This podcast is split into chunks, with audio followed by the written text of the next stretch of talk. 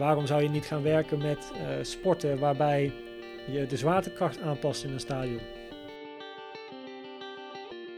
Dat het ook gebruikt wordt om dus, net als tijdens de COVID-periode, met elkaar in contact te zijn.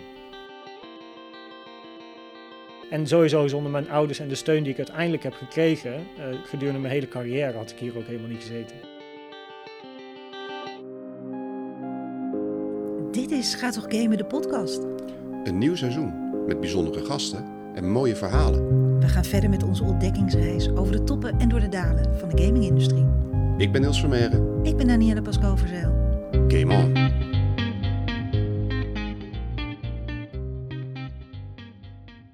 Vandaag bij Gaat toch gamen Koen Schobbers. Koen is de eerste Nederlandse professionele gamer met een topsportstatus, waardoor zijn mastergeneeskunde gecombineerd kon worden met zijn gamingcarrière. Voormalig presentator bij ESPN, bestuurslid en vicevoorzitter van de Atleten, Spelers en Community Commissie van de Global Esports Federation. Oprichter van Koens en Parents of Play en auteur van Mijn Gamende Kind. Sinds 2016 is hij professioneel spreker. En Niels, wij hebben hem in onze eerste podcast. Ja, dat is een uh, hele bijzondere uh, eerste gast. En ik vind ook echt. Uh, ik voel me eigenlijk wel vereerd dat Koen ja zei op mijn vraag of hij bij ons te gast wilde zijn. Ik was eerlijk gezegd hartstikke zenuwachtig voor vandaag. Ja? Ja, ja ik eigenlijk ook. maar het is vooral ook omdat voor mij is het een, een, zijn benadering voor Parents of Play, maar vooral ook zijn, zijn boek, Mijn Game, Gamende Kind, is Um, zo heb ik mijn kinderen opgevoed. En ik heb altijd gedacht, ja, maar ik ben toch niet gek. En heel veel ouders hoorden je dan van, ja, dat, dat is niet goed en je moet uh, voorzichtig zijn en, en let op dit. En oh nee, bij ons gebeurt dat echt niet hoor, dat is echt een uurtje maximaal. En, en ik heb het altijd een beetje van me af laten glijden. Uh, en gedacht van, ja, ik doe het toch lekker op mijn eigen manier. Um, en als je dan op een gegeven moment, als je voorbij die grootste opvoedfase bent, hè, tussen de zeg maar even 8 en 16, uh, eh, dat boek gaat lezen en die inzichten ziet, dan voelt dat als thuiskomen. En dan denk je, ja, zie je, ik ben niet gek. Het is, het is gewoon prima en gezond en uh, leuk en, en gezellig. Dus ja, voor mij is het een, eh, een, uh, ja, echt geweldige gast. Nou ja, ik keek natuurlijk even in de spiegel. Ik heb natuurlijk helemaal niks gedaan met gamen. Ik heb dat heerlijk aan mijn man overgelaten. Ik heb gewoon net gedaan of het niet bestond. Nou, dan schaam je toch ook wezenloos. Terwijl als ik nu inderdaad dat boek bekijk, denk ik, jeetje, wat had ik dit anders kunnen doen? Maar ja, ze zijn 23 en, uh, en 18. Het is echt verkeken kans. Ja. Dus uh, ik ga het vandaag met deze podcast doen. En uh, ja, jeetje, Niels, fantastisch. En waar ben je dan nieuwsgierig naar?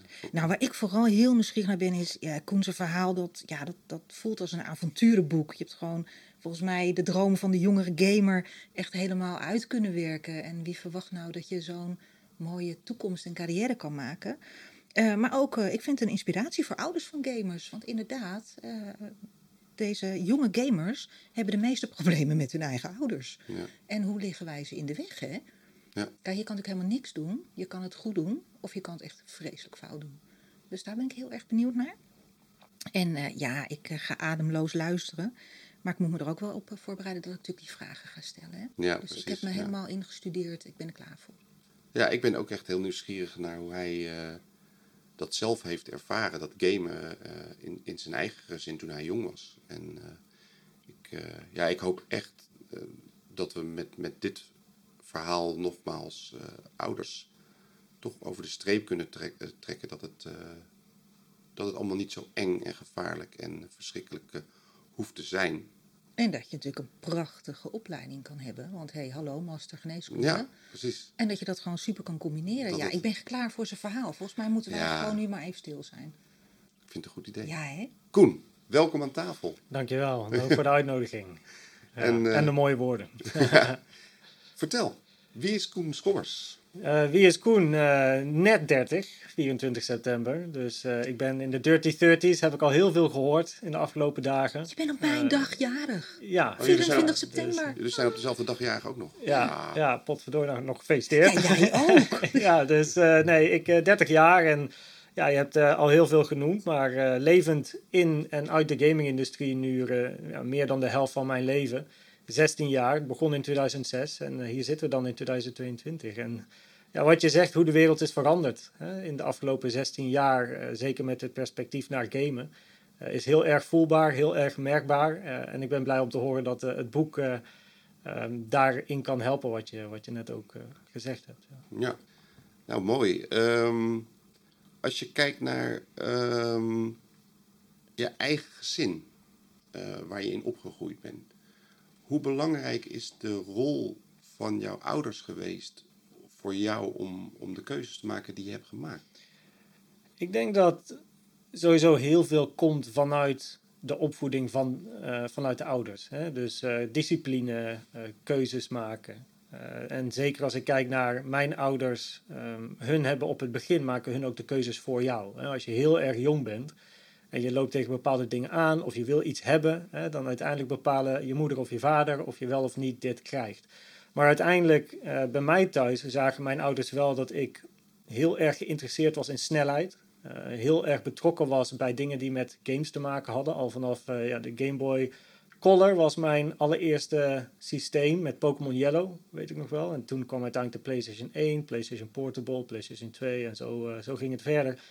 En alles wat met racen te maken had, um, was voor mij aantrekkelijk. Dus mijn vader en mijn moeder wisten allebei van oké, weet je, dit, zijn wel, dit is iets wat wij zien bij ons kind. En we weten daar dan, en ze hebben dat dan ook gedaan, de juiste keuzes te maken. Van hey, hij vindt dit interessant, maar race in het echt vinden we te gevaarlijk. Uh, hebben we ook niet het geld voor, want het is ontzettend duur om, uh, om te karten fulltime of überhaupt racer te worden. Dus keuze B was dan al die online systemen en uh, al, die, al die race games. Dus daar hebben hun voor mij de keuzes gemaakt.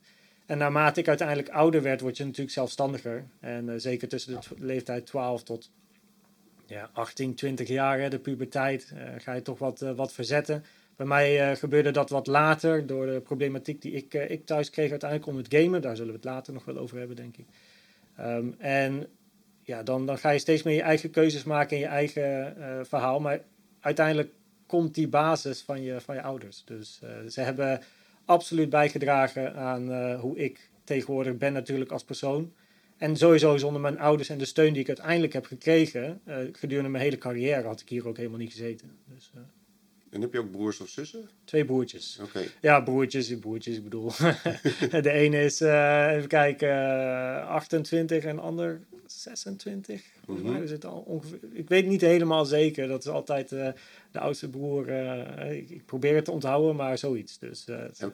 en waren zij ook zulke fanatieke gamers? Of hadden ze andere vroeger wel. Ik denk meer in de beginjaren. Dus we zijn met z'n drieën, drie, drie, drie kinderen. En vroeger toen met de PlayStation 1 uh, eh, en de PlayStation 2. En dan, dan zag je ons nog wel eens met z'n drieën spelen. maar uiteindelijk veranderden de interesses bij ons alle drie. En ik was eigenlijk de enige die echt doorgroeide in het, in het gamen. maar dat kwam voornamelijk omdat ik blijkbaar talent had in een game.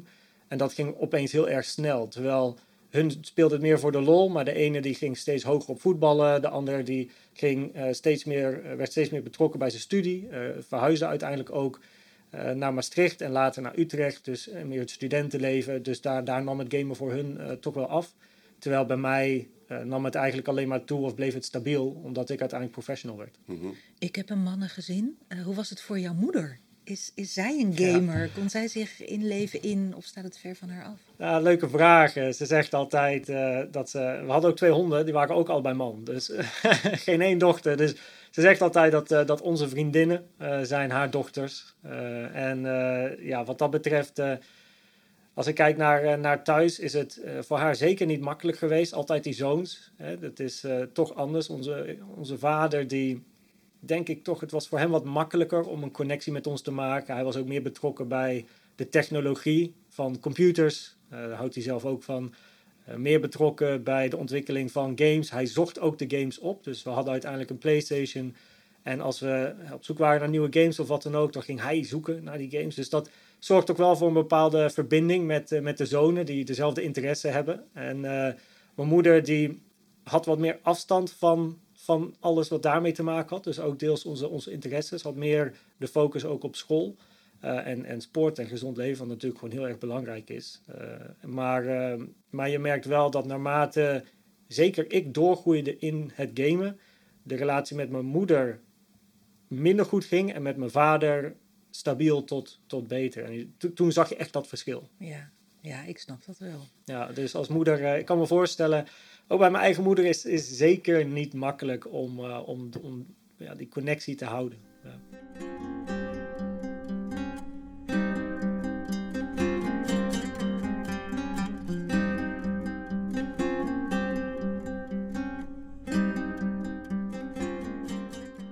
Je vertelde net over karten. En eh, van karten, ik heb gelezen natuurlijk over jou. En van karten naar Trackmania. En toen dacht ik, hey, Trackmania, dat moet dus iets van een snelheidsspelletje zijn. Klopt, het is een racegame. Een Ja. racegame. En daar ben jij echt heel erg goed in geworden. Ja, ja, ja, wie had dat nou, eh, nou gedacht? Eh, altijd wel racegames gespeeld, allerlei verschillende games. Eh, maar Trackmania was in 2006, eh, toen ik die voor het eerst zag, op de computer van mijn vader. Want hij had hem al gedownload op zijn, op zijn PC, was een gratis game destijds. Ja, toen eh, was ik verkocht. Ik, ik zag, het was online, het had loopings, het had een, een je, kon met elkaar chatten. Ehm, ik, ik, het was heel, heel speels, maar heel serieus, heel competitief. En ik ben ook echt wel een hele competitieve kerel. Dus het paste, het paste gewoon helemaal bij mij. En mijn vader was de eerste avond, want hij, hij vond de game eindmiddagavond. En eh, de eerste paar rondes was hij sneller, maar de volgende dag versloeg ik hem. En eh, toen was ik 14 jaar oud. Dus, eh, dus toen ging het opeens heel snel. En eh, ja, twee weken later bij eh, een amateurteam gekomen. Er werd gevraagd om voor hun te racen. Dus ik was als het ware gescout door een amateurteam. Was een Duits team, wat ook de reden is dat ik heel goed Duits kan verstaan. Dat is ook een, goede, goed iets hè, als je kijkt naar gamen, de talen. Dus, dus ja, zo ben ik bij dat amateurteam gekomen. En daardoor kwam ik in aanraking met competitie en e-sports en trainen. En tien maanden later tekende ik een eh, professional contract, toen was ik 15. Of mijn ouders, want ik was te jong. Dus ja, ik ja, mocht dat eh, nog niet tekenen Mocht niet tekenen, nee. nee. Dus, dus dat is eh, zo gegaan. Dus inderdaad, de Game Track Mania is een, een race game. En het is geen simulatiegame, dus geen Gran Turismo of Formule 1. Maar het is ook zeker geen Mario Kart. Het, het zit er een beetje tussenin. Ik zie jou gewoon rechtop zitten, Niels. 15 en een eerste contract getekend door de ouders. Ja. Hoe was dat eigenlijk voor jou? Zo'n dat je zo bij zo'n e-sportsorganisatie terechtkomt met een contract. Leverde dat eh, druk op? Of vond je dat, kon je daar goed mee omgaan? Eh, het ging voor mij... Het is heel gek, want naarmate je beter wordt... eh, mensen vragen wel eens van... Oh, had je echt door dat je, dat je beter werd in de game, zeg maar? En eigenlijk, eigenlijk niet. Ehm, je weet wel dat je de beste bent van je team uiteindelijk. En, maar je weet pas dat je echt beter wordt naarmate teams je gaan benaderen. Eh, dat je aantrekkelijk wordt voor, voor de betere organisaties. En toen ik eh, het eerste contract tekende met, eh, met mijn ouders... Het leverde voor mij geen druk op. En ik denk dat dat ook komt door de organisatie waar ik voor teken. Op dat moment was het wel de nummer één. Dus in die zin zou je zeggen, het levert druk op. Maar de manager die we hadden van het team was ook een Nederlander. Dus dat, dat scheelt dan toch wel. En hij had al veel meer ervaring, is wat ouder. Ehm, en ik kom dan als broekie daar binnen. Eh, en ik, ik doe gewoon mijn ding. Dat, is, Mhm. dat is ook eh, eh, dan misschien een, een bepaalde eigenschap die ik van, van mijn ouders heb. Eh, natuurlijk voor de wedstrijden heb je gezonde zenuwen, wat denk ik heel normaal is. Ik bedoel, als ik tegenwoordig een wedstrijd in Trackmania race, ook al ben ik, eh, ben ik niet meer actief als professional, maar dan nog als je verder komt in een toernooi en je gaat strijden voor, eh, voor de top 5 of top 3, dan heb je nog altijd de gezonde zenuwen. Maar er kwam niet extra druk. Ik denk dat dat ook komt omdat ik geloofde gewoon in mijn skill in de game. Ze willen mij voor een reden. En eh, we hadden een oefenperiode, een trial phase zoals we dat noemen. Waarbij ik voor het team reed een paar weken lang. Zodat ze mij kunnen, kunnen ja, observeren. Kunnen kijken of ik eh, goed bij het team pas. Ja, en toen ik daar doorheen kwam eh, was, was het eigenlijk allemaal ja, heel, heel makkelijk. Ja. Maar je zat ook op school. Ja, ja, ja, ja. Hoe deed je dat? Ja, begin middelbare school. Hè. Dus 14, wat was het? Ik denk tweede klas. Ik ben een late leerling. Dus 14, tweede of derde misschien. Ehm, toen zat ik op VMBO T. Dat was mijn eh, gemengde klas. Eh, de eerste twee jaar tenminste. Met een CITO-score van 5, 36 had ik volgens mij. Dus toen ging VMBO T HAVO. En toen ik Trackmania tegenkwam, denk ik dat ik misschien in de derde zat. Eh, toen ging ik naar de HAVO, naar VMBO T HAVO. Eh, ging ik derde jaar naar de HAVO. En ehm, ik trainde dus in de avonduren en, en het weekend. Eh, maar ik deed ook gewoon sport en ik had ook mijn vrienden. Dus, uh, dus het was een, een, combinatie. En een van de skills die ik, waar, waar, waar ik in de game bekend voor werd, was het, het snel leren van de banen.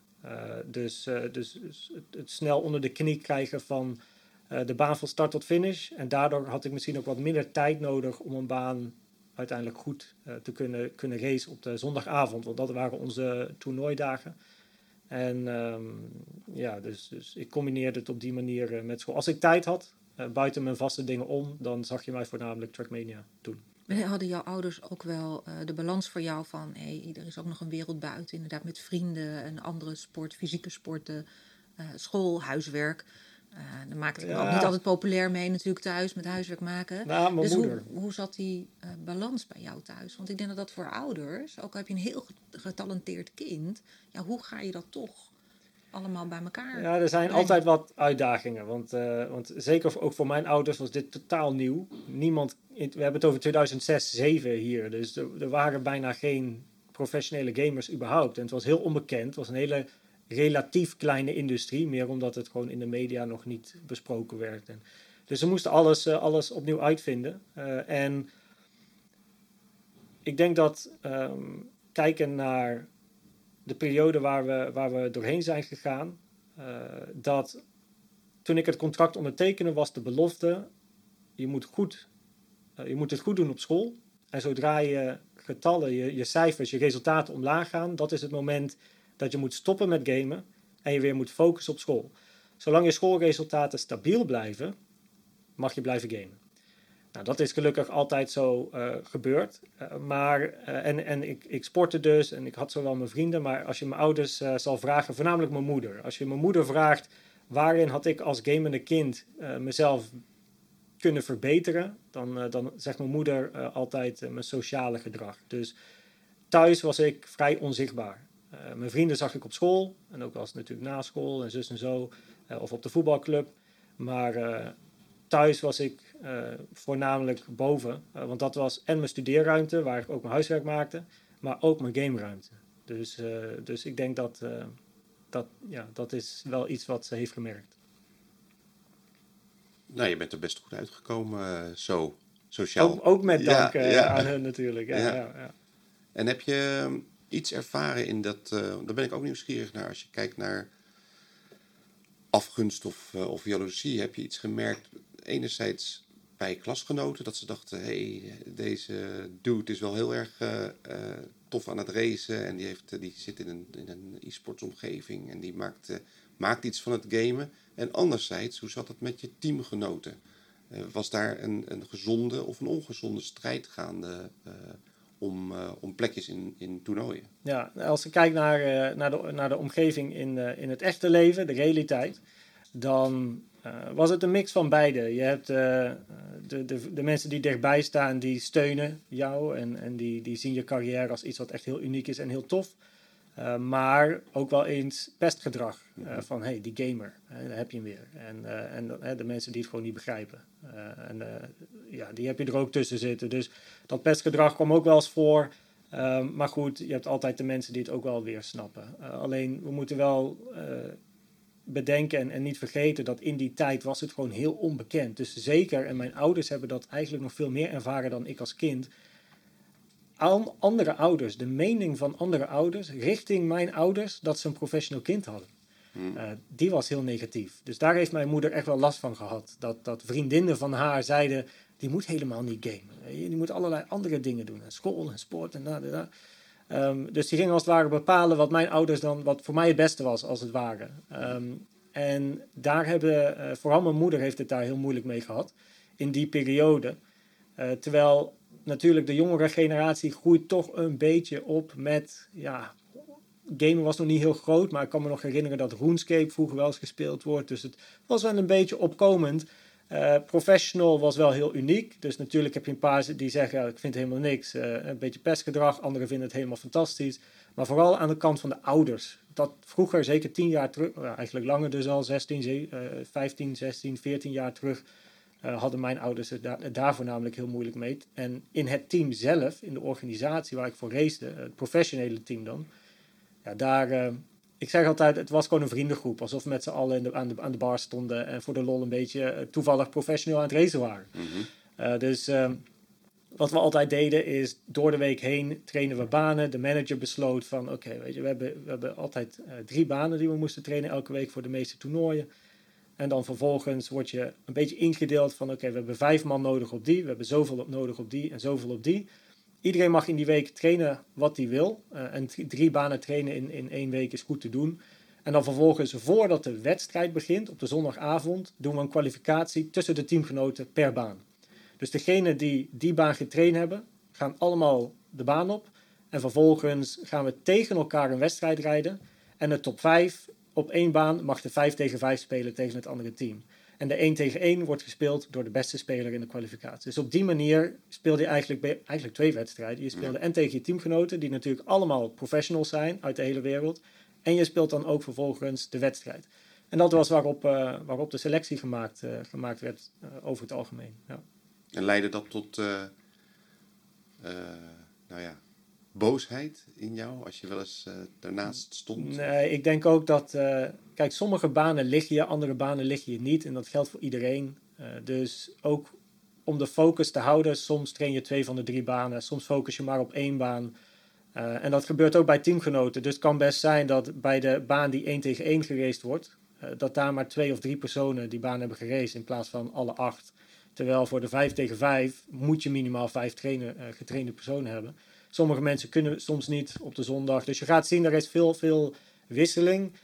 Maar het is voornamelijk een vriendengroep. En, en kijk, als je, als je niet goed traint, dan, ja, dan, dan leg je het gewoon af tegen de, tegen de rest. Maar als ik, en dat wist ik ook, als ik gewoon mijn normale ding doe, dan kan ik altijd wel op een zondag een baan meepakken. En anders dan kan de manager ook nog altijd wel eens dingen doen. Eh, weet je, als we niet genoeg tijd hebben voor de wedstrijd, voor, om wat voor reden dan ook, dan zegt hij: Oké, de vijf snelste records in de afgelopen week die gaan, gaan rijden. Dus ja, dat, en ik was, ik was ook een snelle speler. Dus ehm, ja, ik had nooit problemen om niet te racen. Eh, en ik race zeker niet op alle banen. Maar dat is ook persoonlijke keuze. Want soms voel ik me minder comfortabel op die ene baan. En dan wil ik niet de 1 tegen 1 rijden. Want dan, ja, als je een foutje maakt, dan ben je direct gezien. Maar als je de 5 tegen 5 rijdt, heb je ook nog vier teamgenoten. Dus als ik me niet heel comfortabel voel op de 5 tegen 5 baan, dan rijd ik liever toch nog die race. Omdat ik ook nog vier teamgenoten heb die eventueel, als ik ergens een muur raak, kunnen hun nog altijd pushen. Ja. Terwijl in de 1 tegen 1 verlies je direct de ronde. Ja. Eh, dus, eh, terwijl aan de andere kant, soms is de 1 tegen 1 helemaal mijn ding. En dan rij ik die. En dan rijd ik niet eens de 5 tegen 5. Dus dan focus ik me heel erg daarop. Dus ja, heel erg af- afwisselend. Maar de sfeer zat altijd goed. Ja. En is het nog steeds een, eh, een e-sport? Trackmania, wordt er nog Ja. steeds op dat niveau geraced? Of Nou- is het inmiddels links ingehaald door Rocket League en rechts ingehaald door... Nou, Rocket League is Eh, groter. en ja. Valorant ook. En Ja. zeker. Maar eh, wa- er, wa- er was een enorme dip. En eigenlijk in die periode ben ik ook eh, gestopt. Dat was toch wel 2016 tot ja, 2000. Ik zou eigenlijk 2020 willen zeggen. Want in 2020 kwam de nieuwe Trackmania uit. Eh, die heet ook gewoon weer Trackmania in plaats van Trackmania XIZ. Mhm. Ehm, en dit is de game die het momenteel echt heel erg goed doet. Het zit echt weer in een groei. Leuk. Eh, meer evenementen, grotere prijzenpotten, grotere influencers. Goed? Eh, Ja. Dus nu zie je weer dat vanaf eh, 2020 is de game echt wel weer naar boven aan het gaan. Maar in 2016 was... ik heb meerdere WK's gereden. En het WK in 2016 was gewoon op de eerste verdieping van LDLC. Dat is een winkel in Parijs. Normaal zaten bij de Paris Games Week... Daar, ESWC, groot podium, 3000 man voor je neus. Daar, daar racen we het, eh, WK, of de finale in ieder geval. En dan in 2016 zaten we opeens op, op de eerste verdieping van een winkel zonder fans, zonder sfeer. Alleen de profs, maar we zijn allemaal vrienden in de game, rivalen, competitie. Buiten de game gaan we met z'n allen gewoon een drankje doen. Ja, en toen dacht ik, oké, dit, gaat, dit gaat niet de goede kant op. En al jaren ging het omlaag. eh, en ook tijd versus inkomen eh, werd, werd anders. Ik presenteerde op tv, bedrijven gingen me benaderen. En dus ik, ik zag ook andere kansen. Dus toen heb ik bewust wel de keuze gemaakt om, eh, om er een punt achter te zetten. Ook voornamelijk omdat Acer, het hardware, hardwarebedrijf, die, daar was ik ambassadeur voor geworden. Ehm, en in mijn rol als ambassadeur kreeg ik ook meer vergoeding, waardoor ik in Amsterdam kon wonen. Hm. Eh, eh, dus dat had ook weer met mijn studie te maken. Dus uiteindelijk viel, viel eigenlijk alles samen. de game werd kleiner. Acer wilde me als ambassadeur tegelijkertijd. Dus daar heb ik een deal mee gesloten. Zodat de inkomsten die ik had uit de game neemde, nam Acer eigenlijk over. Plus wat meer. Zodat ik ook echt kon wonen en leven in Amsterdam. Om daar dan vervolgens mijn studie te doen. Hmm. dus zakelijk goed aangepakt, denk ik. Uh, maar zeker met, met steun ook, uh, ook van hun uh, kon ik daar naartoe verhuizen. En heb ik dus een punt achter mijn carrière gezet.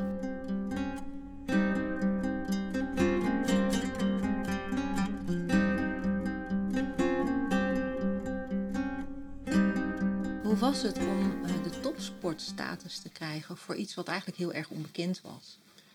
Ja, dus ik ben echt, echt gestopt met mijn carrière in 2018. Dus ik heb nog wel uh, dingen gedaan tot, uh, tot 2018. Um, alleen in 2016 was een groot jaar voor mij.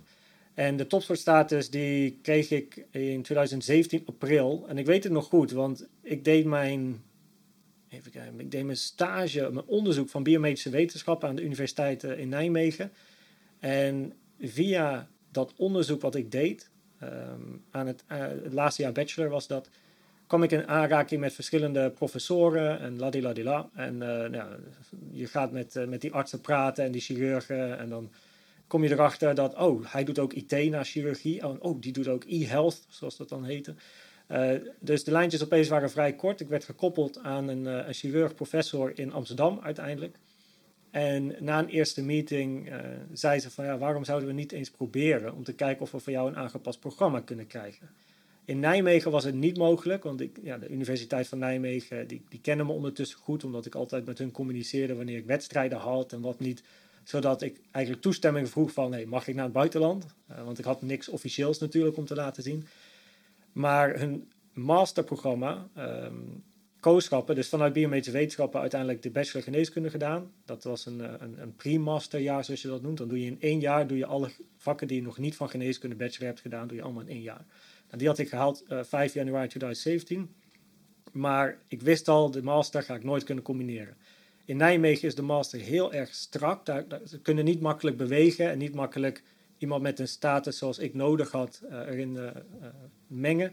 Maar in Amsterdam kon dat wel. Dus, dus ja, eind 2016, begin 2017 hebben we al die gesprekken gehad. En toen april 2017, uh, toen ging het live. En uh, ja, dat, dat bracht, uh, bracht ook veel aandacht met zich mee. Maar tegelijkertijd ook voor de industrie in Nederland een hele grote stap. Omdat ik in de maanden daarna door veel scholen ook werd gebeld van... hey, wij hebben er ook zo eentje. Ken je hem? wat, wat zijn in Amsterdam voor jou de regels geweest? Weet je? Moest jij top zoveel zijn? Moest je contract hebben? Moest je een brief laten zien? dus ook in Nederland onder de universiteiten is het een, een grote stap geweest. Je brak dus ook echt wat open.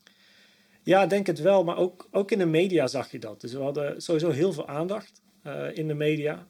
Uh, maar dat is ook omdat opeens is een gamer topsportstatus. Hè? En gamen is geen e-sports, moet ik eigenlijk zeggen. E-sports is helemaal officieel geen sport. Uh, natuurlijk zijn daar altijd eindeloze discussies over of het wel of geen sport is. En daar, meestal bemoei ik me daar ook niet mee. Het ging mij gewoon om het combineren van de twee. Mijn twee passies op dat moment. En dat lukte alleen op deze manier. Uh, dus ik ging op zoek naar een oplossing. Die vond ik in Amsterdam. De professor in Amsterdam die zei: Hey, interessant, weet je, misschien kunnen we wat doen. En dat gebeurde. Dus je zag ook in de, in de comments en je zag hele gemixte reacties. Sommige mensen zeggen natuurlijk: Oh, wat gek, weet je wel. Iemand die gamet krijgt opeens een status. En andere mensen die, die vinden het helemaal fantastisch. Um, maar dat maakt het ook mooi, want die discussie gaat leven. Mensen gaan googlen, mensen gaan kijken wat is die industrie dan. En ja, dat, dat draagt alleen maar bij aan het, aan het geheel in Nederland. Dus het is, uh, het, er, is zeker op dat moment wat doorbroken. Uh, ja, absoluut. Als ik toch nog een stukje terug ga in de tijd. Je bent op de middelbare school, je bent heel erg talentvol, je krijgt gewoon een professioneel contract. Dan zou je ook kunnen denken dat je zo wordt ingezogen in die wereld, dat je denkt, nou, school vindt wel goed. Ik haal mijn middelbare schoolpapiertje en dat was het. Maar jij hebt er gewoon voor gekozen om echt een hele opleiding te gaan volgen. Wat ja. was je beweegreden om eigenlijk een soort tweede spoor ernaast te gaan doen in mijn beleving? Of zit ik er helemaal naast? Nou, ik wilde, ja, ja als kind, het is een beetje lastig om, om te weten wat je wilt. Als je, als, zeker op de middelbare school heb je zoveel verschillende onderwerpen en dingen. Uh, dus uh, ik snap ook heel goed dat de meesten die een eerste studiekeuze maken, die maken de foute keuze. Dus die, het jaar daarna dan gaan ze weer wat anders doen. En ik kwam erachter, uh, einde jaar HAVO, na mijn examens HAVO, had ik een brief gestuurd naar Nijmegen om artsassistent te worden in de OK. nou, dat ging uiteindelijk niet door. Ik weet eigenlijk niet meer precies waarom niet. maar dat ging uiteindelijk niet door. Ik had wel een stage in de OK gelopen toen. Ehm, met professor van Duivendijk was dat volgens mij. En ehm, toen was ik verkocht met operaties. Dus ik stond in de OK, keek over zijn schouder mee hoe hij een galblaas verwijderde. Ik mocht de galblaas opensnijden om de stenen te zien. En ik was helemaal, helemaal verkocht. Ik vond het fantastisch. Uh, en toen dacht ik, ja, hoe kan ik hier komen? Alleen door geneeskunde. Maar om geneeskunde te doen, moet ik VWO hebben. Dus VWO is het. Uh, dus dus zo, uh, zo ging het. Dus na mijn HAVO-VWO gedaan.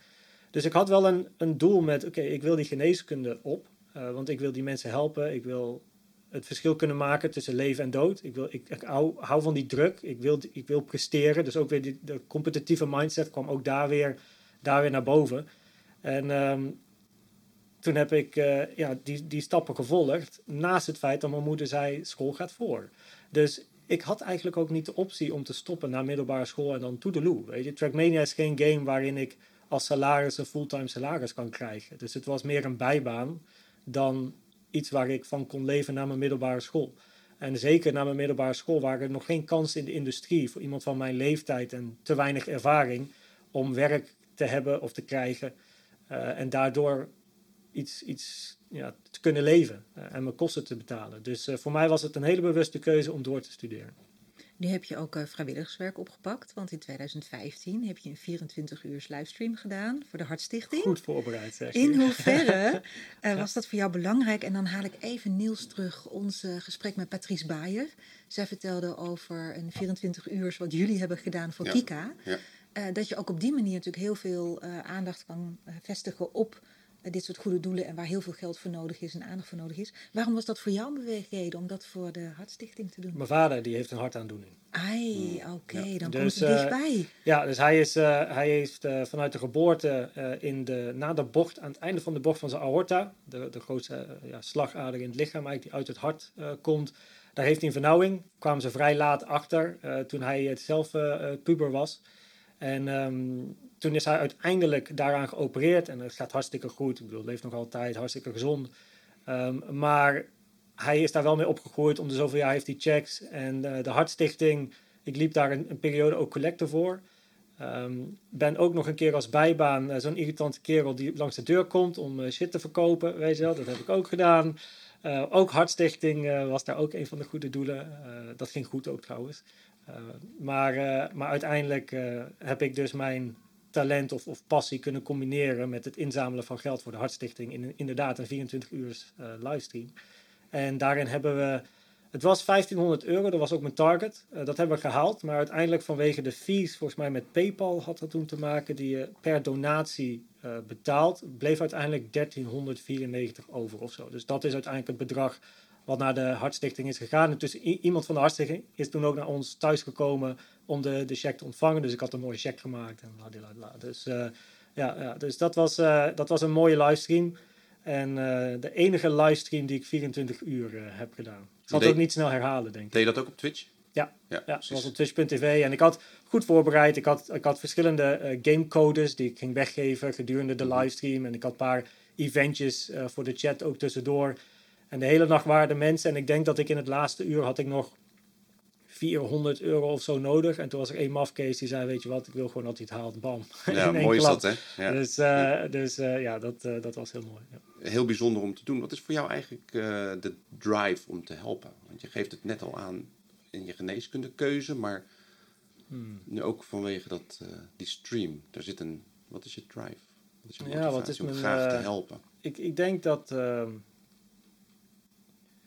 ja, ik vind het in de geneeskunde is het wat moeilijker uit te leggen dan waarom ik ouders help met gamende kinderen. Maar, uh, want dat komt weer uit mijn persoonlijk verhaal. Maar ja, waar, waar ligt de drive om, uh, om te helpen? Ik denk dat wat ik, wat ik fascinerend vind is de werking van het menselijk lichaam. Dus ik denk dat ik voornamelijk, of, ik bedoel, helpen sowieso, maar naast het helpen vind ik het menselijk lichaam heel interessant. Dus het meer hoe werkt het, waarom werkt het, wat zit er allemaal. Dus die nieuwsgierigheid uh, ik ben enorm nieuwsgierig als persoon, dus die nieuwsgierigheid die, die neem ik mee naar uh, in dit geval ook, ook het helpen.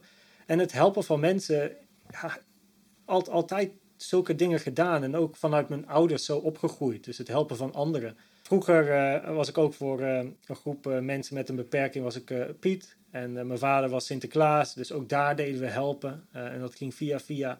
Dus het heeft er eigenlijk altijd wel ingezeten in mijn opvoeding, het helpen en, en werken met andere mensen. En uiteindelijk is, is het mooi om te zien bij anderen wat het doet. En ik denk dat dat een van de, van de mooiste rewards is die, die ik, althans vind ik, kan krijgen. Is als ik iemand anders kan helpen.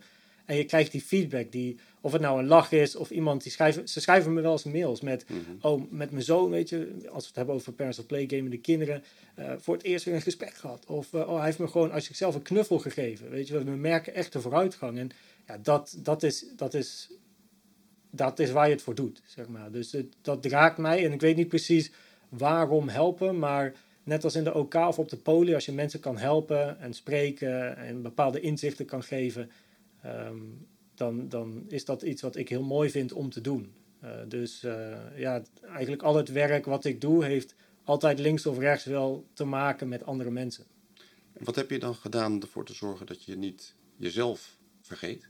Want je hoort ook veel van mensen die heel graag anderen helpen en eigenlijk anderen eh, en daardoor misschien minder aandacht geven aan zichzelf. Maar het lijkt me geen type die zo erin zit. Ik denk dat eh, dat is meer het stukje discipline van mijn ouders. Dus eh, work hard, play hard. Dus ik kan ook geen mensen helpen als ik niet hard had gewerkt, zeg maar. Dus als ik niet arts, als ik niet in de artsenopleiding kwam, dus eerst moet ik heel hard werken om überhaupt daar te komen en om arts te worden, uh, moet je ook nog inderdaad door de bachelor en de master. Dus als ik dat niet had gedaan, had ik ook niet die mensen kunnen helpen. Net als met Parents of Play, als ik niet uiteindelijk hard had gewerkt om te reflecteren wat is er allemaal gebeurd met mijn moeder, hoe kan ik anderen helpen? Uh, want ik zie het probleem bij anderen ontstaan. Nou, wat zijn de lessen die we hebben geleerd? Wat voor stappenplannen kan ik maken? Wat voor modellen en, en informatie kan ik delen waar hun iets aan hebben? Dus al dat werk zit, zit eigenlijk nog voordat je mensen gaat helpen, zit, zit het grootste deel van het werk. En uiteindelijk als dat gedaan is, net als met de studie, of net als met de content voor Parents of Play of wat dan ook, dan uiteindelijk kun je daarmee kun je de mensen helpen. Dus ik denk dat die drive uh, begint dan bij een probleem, of, of dus het helpen van anderen. Maar om daar te komen, moet ik eerst uh, andere dingen doen.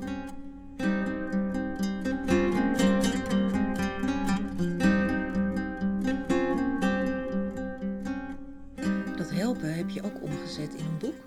Klopt. Wat was jouw beweegreden om een boek te schrijven? Meer bereik. Meer bereik. Want uiteindelijk, um, er zijn heel veel ouders in Nederland die gamende kinderen hebben en daar moeite mee ervaren. Of dat nou lichte frustraties zijn of discussies, of ze begrijpen het misschien niet. Dus de relatie is heel goed, maar uh, ze weten niet zo goed wat gamen is. Tot aan uiteindelijk de ouders en de gezinnen waar het, waar het echt problematiek is. Of misschien zelfs uh, verslaving.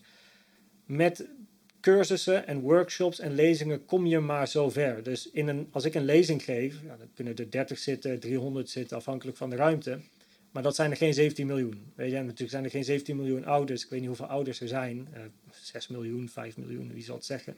Uh, maar dat is nog altijd een hoop meer dan dat ik via lezingen of een paar cursusjes of zo kan bereiken.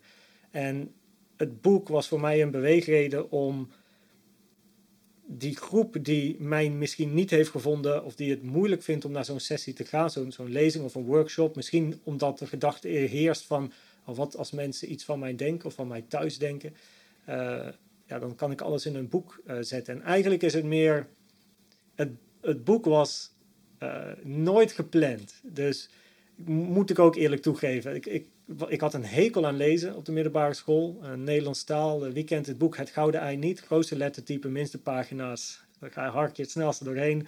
Nog altijd hoorde ik pas geleden een van de meest populaire boeken. Snap ik heel goed dus. En uh, hekel aan lezen. Maar uiteindelijk uh, dacht ik, toen ik klaar was met mijn pre-master geneeskunde, 5 januari 2017, toen dacht ik, en nu? Want ik had zeven maanden wachttijd tot mijn geneeskunde master. En ik moet die tijd vullen met iets en ik kan heel moeilijk stilzitten. Dus uh, toen dacht ik, weet je wat, ik ga mijn, mijn kennis in, in mijn hoofd ga ik gewoon op papier schrijven. En dan zie ik wel hoe en wat. Want ik, ik wist van, ik heb kennis en mensen stellen me vragen, maar ik wil het gewoon een keer georganiseerd hebben voor mezelf. Uh, dus gestructureerd. Dus toen heb ik alles op papier gezet met verschillende hoofdstukken van, oké, okay, hier weet ik iets over en hier weet ik iets over. En uiteindelijk was dat 90 pagina's lang geworden in, in Word. En, en toen, toen, dacht ik, oh ja, het ziet er best wel goed uit. Toen ging ik hierover praten met mensen, dat ik dat deed, mijn kennis op papier zetten.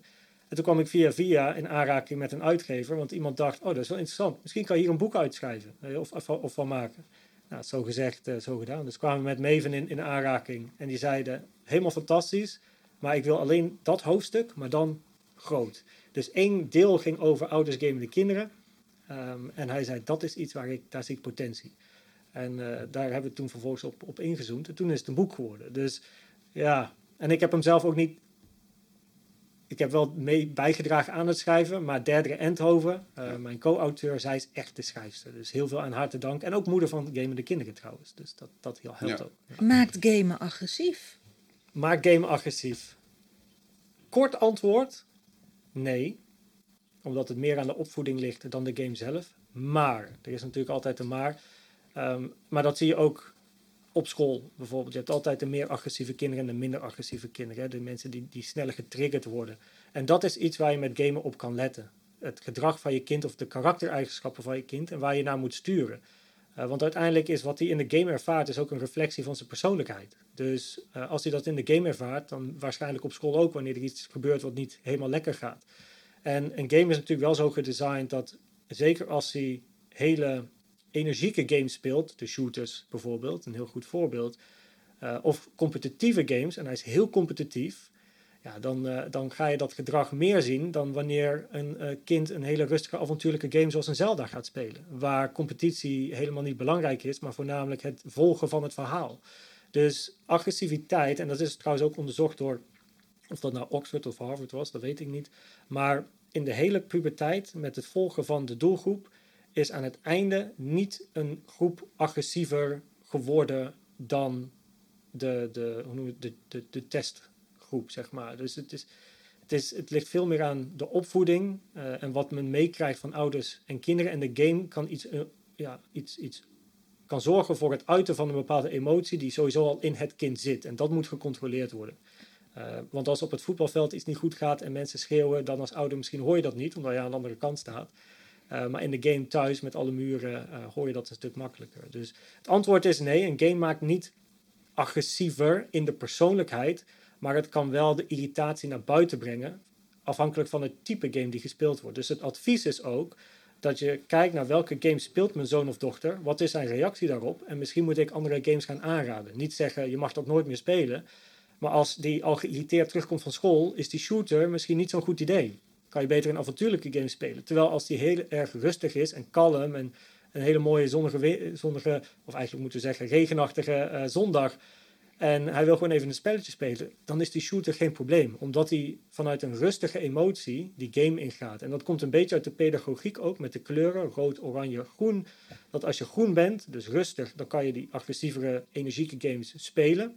Maar als jij oranje of rood bent, bij oranje het liefst niet en bij rood mag gewoon niet. Want dan weet je dat dat gaat gebeuren. En wat we dus eigenlijk kunnen zeggen is: jouw kind is opgesloten op zijn eigen kamer. Hè, die zie je niet. Ja, misschien als ze even de kast plunderen omdat ze wat willen eten.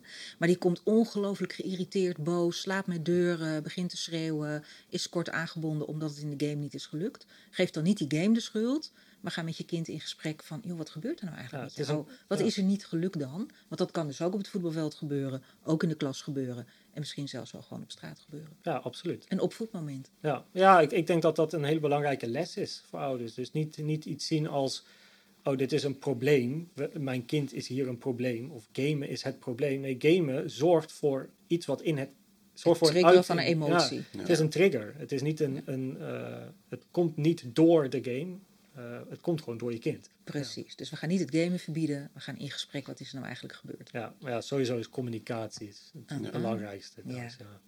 Van, alle, van alle tips en alle, alle cursussen en dingen is als, als zodra de communicatie verbetert tussen ouders en gamende kind, verdwijnt de rest als sneeuw voor de zon. Dus echt, uh, en dat kost wel tijd, maar communicatie is, is echt nummer één. By far. Welke vraag heb jij, Niels? Nou, wat ik een interessante vond ook, en ook jou, uh, wil ik ook graag jouw mening over, waar ook veel discussie over gaat. ik zal even een beetje context schetsen. Toen mijn zoon acht was, kwam hij thuis van een vriendje. Hij zegt, pap, ik heb zo'n tof spel gespeeld, zo'n tof spel. Call of Duty, maar acht jaar. Ik zei, nou, wat we doen is wel een Xbox. Ik zeg, we gaan naar de winkel. We halen alle Call of Duty titels die we zien. En we gaan ze bekijken en we gaan ze spelen. Ehm, maar heel veel ouders. eh, ik, deed dat vanuit mezelf, omdat ik zoiets had van: oh ja, blijkbaar speelt die andere vriendje van hem speelt dat. Dus hij gaat dat sowieso een keer zien. Eh, liever speel ik het samen met hem en gaat hij gewoon een, goed worden in het spelen van shooters, als, hij dat, als dat zijn ding is. Ehm, alleen je hoort toch heel vaak van die leeftijdsbeperkingen op games en toch wel ouders die hun kinderen verbieden om 16 of 18 plus games te spelen op hun tiende of elfde of twaalfde of dertiende. Eh, berucht is natuurlijk eh, GTA bijvoorbeeld. Eh, hoe zie jij dat? Allereerst, en dat is echt wel een statement misschien, maar Peggy, mega verouderd. Weet je, Peggy heb je helemaal niks meer aan in de tijd van nu. Misschien nog wel de icoontjes van seksueel, grof taalgebruik, dat. Maar de leeftijdcategorieën, daar, kan je, daar moet je niet meer naar kijken. Dat, dat, zo werkt het niet. Um, zeker niet in de praktijk. Want jij kan wel zeggen, in en ik, ik ga dadelijk naar de drie keuzes uh, die ik altijd ouders geef. Als een game 16 plus is en je kind komt terug, net als wat je hebt ervaren. Yo pap, ik heb Call of Duty gespeeld, la la la. En je gaat de game niet kopen. Nou, dan spreekt hij wel vijf keer per week af bij het vriendje, gaat hij daar spelen. Weet je? Dus dan is de game misschien Peggy 16 plus, maar in de leefomgeving van het kind maakt die leeftijd niet uit. Want hij heeft altijd toegang tot. In ieder geval, er zijn drie opties die wij ouders voorleggen wanneer we in aanraking komen met deze situatie. De, degene waar ik mee begin is wanneer vrienden van het kind de game niet spelen en je zoon of dochter komt met ik wil GTA of Call of Duty, dat is het moment waarop je kan zeggen laten we nog even wachten. Er is in zijn omgeving nog niet iemand die het speelt. Hij wordt niet per se buitengesloten, uh, om wat voor reden dan ook. Um, er is niet een directe reden. Hij zit nog onder de leeftijd. Misschien ook als opvoeder denk je, nou, het is nog niet een game die past, dus laten we nog even wachten. En dat is op dat moment een hele goede keuze. Moet je natuurlijk ook uitleggen aan je zoon of dochter. Nou, vervolgens heb je de tweede keuze. Dat is als vrienden het wel spelen, dan zou ik de game altijd kopen. En de reden is dat, wat ik net zei, en, en jij eigenlijk ook, dat als je zelf de game niet in huis haalt, dan gaat hij bij vriendjes spelen. Het, wat je alleen dan niet doet, of niet kan doen, is je kan niet de opvoedlessen leren. Je kan niet zien wat voor gedrag toont hij, wat voor woorden gebruikt hij, wat doet hij in de game. Misschien speelt hij GTA, maar is hij helemaal niet aan het schieten. Is hij gewoon avontuurlijk in een auto rond aan het racen, of is hij de zee aan het ontdekken, of is hij in de bossen, of het, het draait niet per se om schieten, maar dat is het eerste waar we aan denken GTA. Dus je hebt geen zicht in wat hij doet, hoe hij reageert. Je kan hem niks leren, want je bent er niet bij. Terwijl als je de game in huis haalt, wat je zelf hebt gedaan, wat ik een hele goede keuze vind, is je kan ernaast gaan zitten. En ook al zit je er niet naast als opvoeder, kan je wel meeluisteren en af en toe een keertje meekijken met wat doet hij nou? Hoe reageert hij? En als hij dan iets doet wat voor jou opvoedtechnisch onjuist is, kan je ook direct ingrijpen en kan je het gesprek aangaan. Um, dus je kan veel meer controle houden. Je kan de relatie beter maken met zoon of dochter. En daarnaast kan je ook dus corrigeren en opvoedlessen meegeven. En de laatste optie is dat als bij vrienden de game gespeeld wordt en je wilt dat hij het thuis niet speelt, ja, dan is de andere optie is ga met de andere ouders in gesprek en zeg dan van hey, ik, uh, ik, ik zou graag niet, of ik wil niet dat als mijn zoon bij jullie op bezoek is, dat die game gespeeld wordt in de realiteit en in de praktijk is dit echt wel by far de minst gekozen optie. Uh, de meeste zijn, uh, is, is, nummer twee. Dus uh, oké, dan halen we hem toch maar in huis. En dan gaan we ermee betrekken. Want ik denk dat zo'n shooter... Ja, je bent 12 jaar, je bent 13 jaar, je ziet die shooter. Een shooter is niet slecht. Het is niet dat je kind straks een geweer oppakt als die 18 is en dan ladila. Ja, dat, zo werkt het niet. Je kan juist die opvoedlessen gebruiken om misschien meer uitleg te geven over oorlog, Tweede Wereldoorlog, wat een thema is, waar in de puberteit jong bij geschiedenislessen kom je daar al mee in aanraking. En als in, bij de geschiedenislessen ook video's kijken in de geschiedenisles over de Tweede Wereldoorlog, loopt ze ook niet met een geweer een dag later. Dus natuurlijk zijn ze meer engaged en betrokken in die shooter games. Um, maar ik denk dat het voornamelijk de lessen zijn die je als opvoeder mee kan geven door die game in huis te halen als vrienden het spelen. Als vrienden het niet spelen, kan je wachten.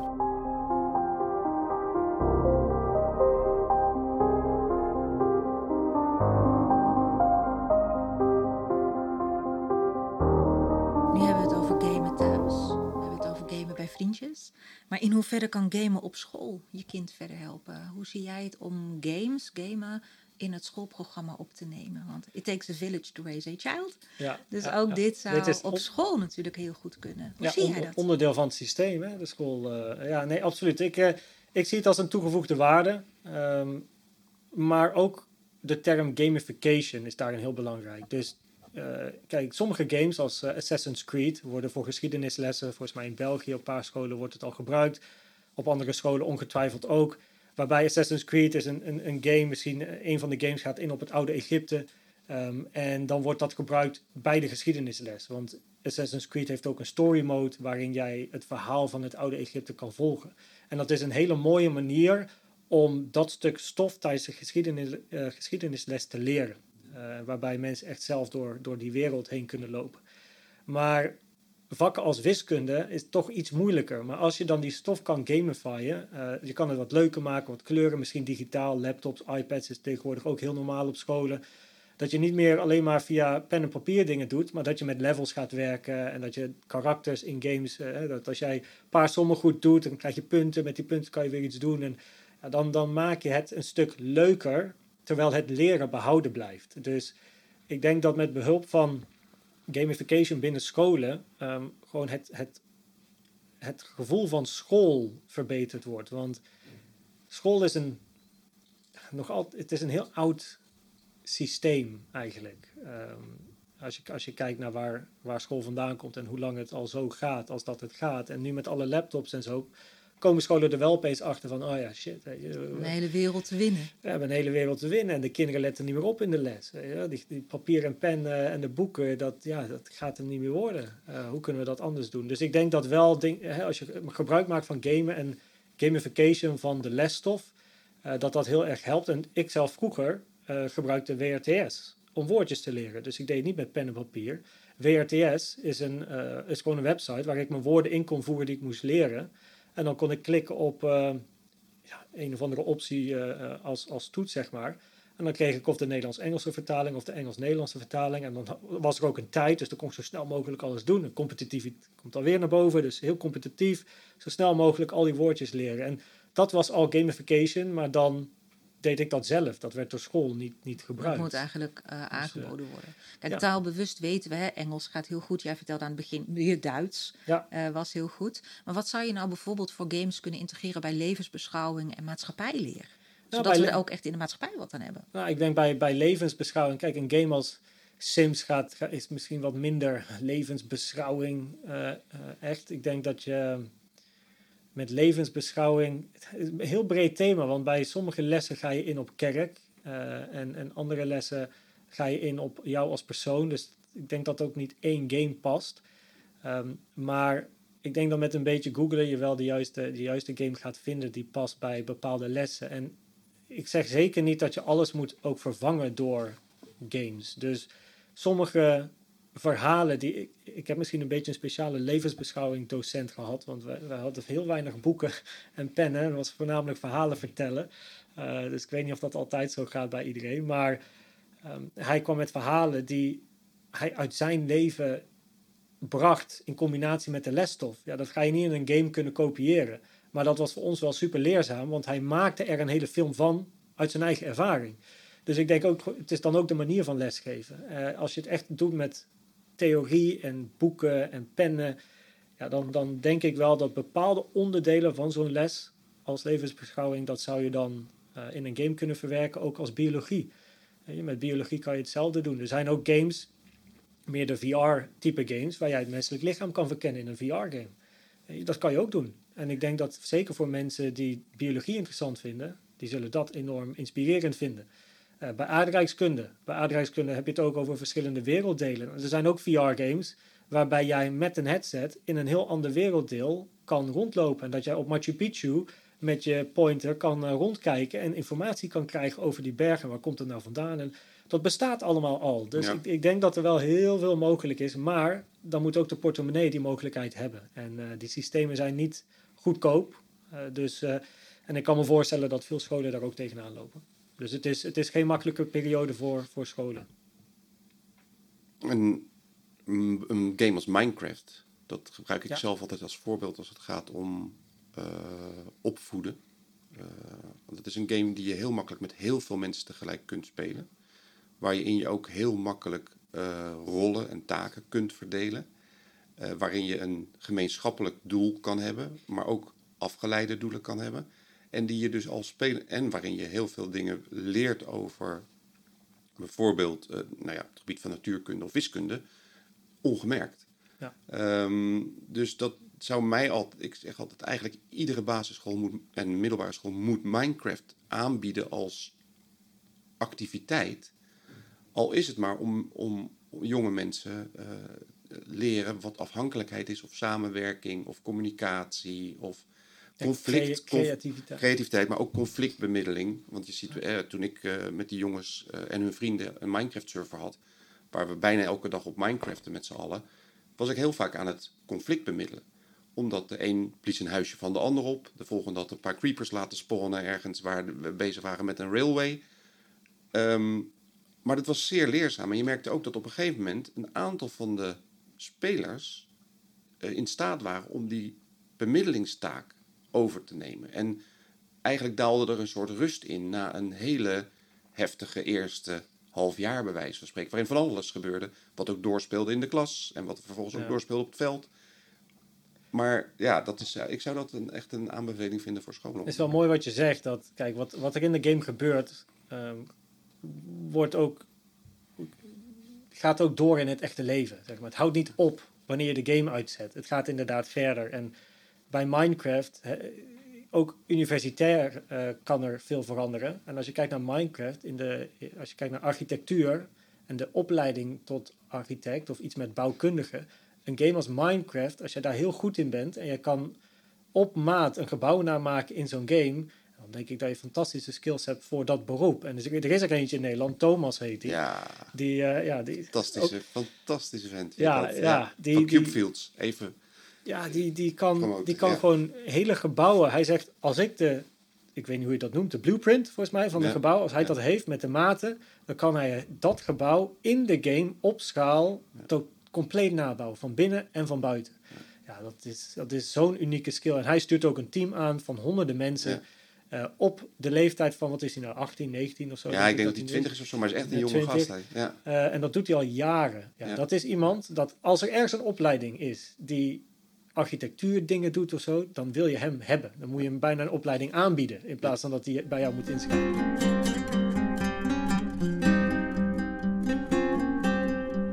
Ja, er is nog, uh, nog wel een uh, vraag die goed behandeld wordt in je boek. Uh, bestaat gameverslaving officieel?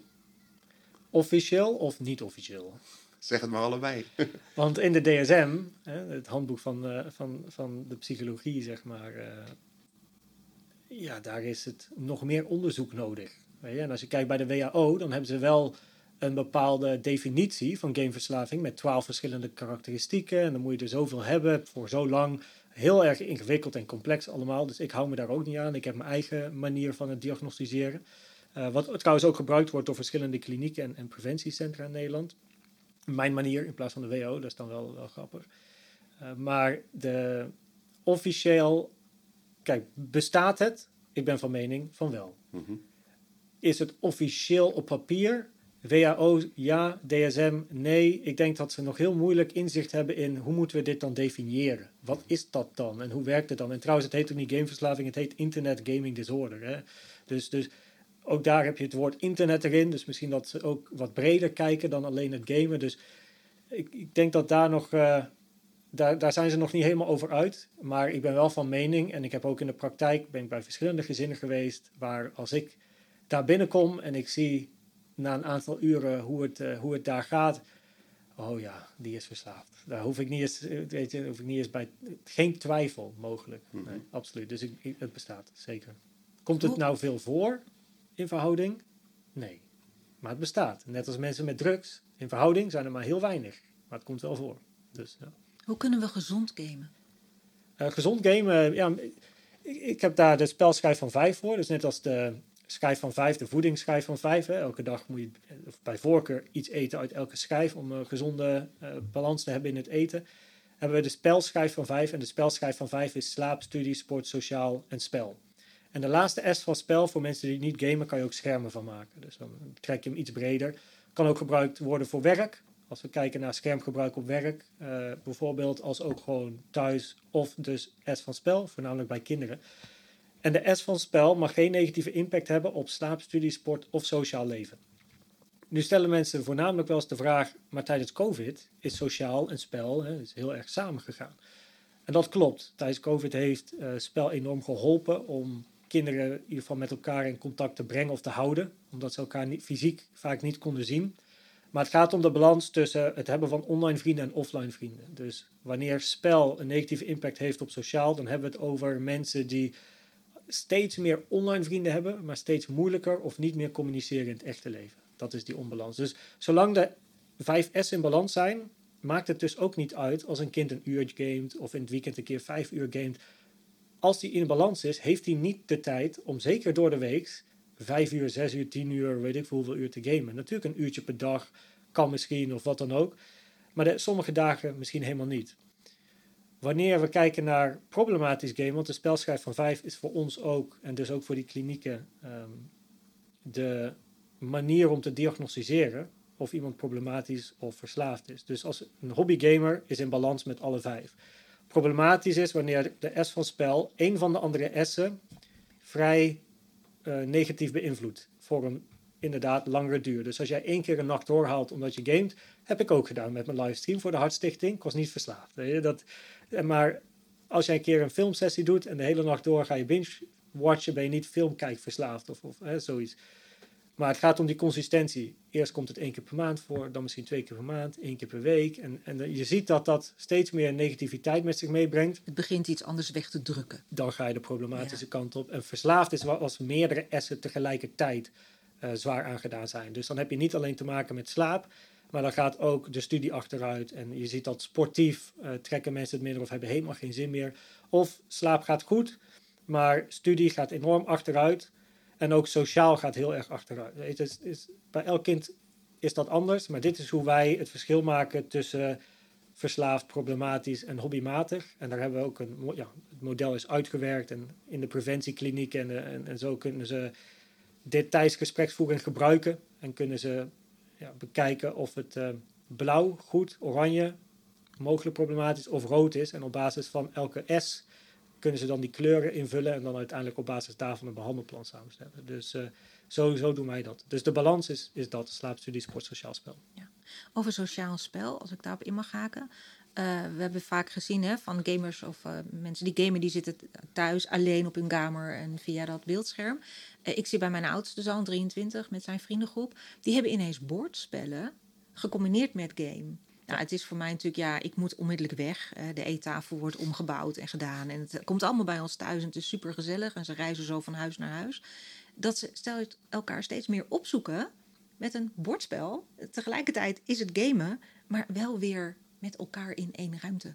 Ja, waarbij je alle zintuigen gebruikt, waarbij je elkaar weer ziet, waarbij alle chips opgaan en de rest. Ja, ik denk Wat ook vind wel je dat, eh, daarvan, van die ontwikkeling? We zoeken elkaar weer op. Ja, het is ook wel een beetje een fase. Ik denk zeker na COVID is dat die behoefte om elkaar te zien is enorm. Uh, maar ik zie het ook bij mezelf hoor, dat je hebt die gamefase tussen de 12 en 20. Dat is gewoon de fase waarin het heel erg toeneemt. Maar na de 20 neemt het ook steeds meer af. Andere dingen krijgen prioriteiten. Um, eh, en althans, over het algemeen, hè, sommigen gaan alleen maar meer gamen. Je hebt natuurlijk altijd die, die groep. Ehm, maar als je gaat studeren, uh, komen ook andere dingen eh, naar buiten. En ook ikzelf, je gaat wat vaker kaarten of, of andere bordspellen doen. en ehm, wat is dat, ganzenborden en weet ik veel wat. Echt van die klassieke dingen. Ja, dat, dat zie ik ook. Ik vind dat zelf een hele positieve ontwikkeling. Dus het gamen virtueel wordt in combinatie gebracht met als het ware het gamen in het echte leven met de, met de bordspellen. Um, en sowieso zijn bordspellen best populair, als ik me niet vergis, gewoon in het algemeen. Dus ik vind dat, uh, ik vind dat wel mooi dat, dat jongeren niet alleen maar elkaar online vinden, maar op deze manier ook offline. En dan spelen ze wel een spel, maar dan met elkaar. Of dat dan virtueel is en ze zitten naast elkaar op de bank, of een bordspel als een mens erg je niet of zo. Er is in 2004 is er een onderzoek gepubliceerd, wat volgens mij behoorlijk uh, uh, controversieel was, omdat dat wel uitkwam op dat game agressief maakt. Maar dat is eigenlijk volgens mij in 2005 2015 of 16 een soort van gedebunked. Ehm, omdat gamen ook een soort van, ehm, vooral online shooters, multiplayer shooters, een hele sterke eh, sociale component kent. Of in ieder geval eh, mensen in jouw omgeving die live bij jou zijn. Niet live bij jou zijn als in de kamer, maar live bij jou zijn in de game. Waar een, een, een regulerende werking van uitgaat als het gaat om toxiciteit of eh, boosheid of teleurstelling. Herken jij dat? Die verandering in, de game, in gaming? de verandering van. Dat het meer sociaal is geworden en meer. dus dat, er, dat, min, dat het minder op jezelf is, waardoor de woede misschien opkropt. Dus dat je ook meer mogelijkheden hebt om het te uiten door de. Absoluut. En ik denk ook een onderzoek van 2004, als je de gaming-industrie destijds vergelijkt met hoe het nu gaat, dan hebben we het over een hele andere tijd. Natuurlijk was er al wel het een en het ander online, maar niet op de schaal dat het tegenwoordig is. En, en de populariteit die het tegenwoordig heeft. Uh, echt heel erg niche. En ik, ik zie en heb ook die, die groei ervaren in, in die populariteit en het meer sociale karakter van wat games met zich mee kan brengen uh, voor veel mensen. Dus uh, waarbij het vroeger meer de gamers waren, als het ware, en niet iedereen wist ervan af. En het was een vrij kleine industrie voor de mensen die ermee bezig waren. Tot nu, iedereen speelt wel zijn spelletje en het is echt onderdeel van het dagelijks leven. Uh, op, op de scholen even in de pauze even snel samen een spelletje doen. Of thuis, als we thuis komen, even snel een spel doen. En dat het ook gebruikt wordt om dus, net als tijdens de COVID-periode, met elkaar in contact te zijn. En toch een activiteit te hebben die je dan samen kan doen. Dus uh, ik ervaar, ik, ik sluit me helemaal aan bij, bij wat je zegt en heb het ook zo ervaren dat uh, de, industrie is enorm gegroeid. Uh, door alle mogelijke stigma's die het heeft gehad in de afgelopen heel veel jaren heen.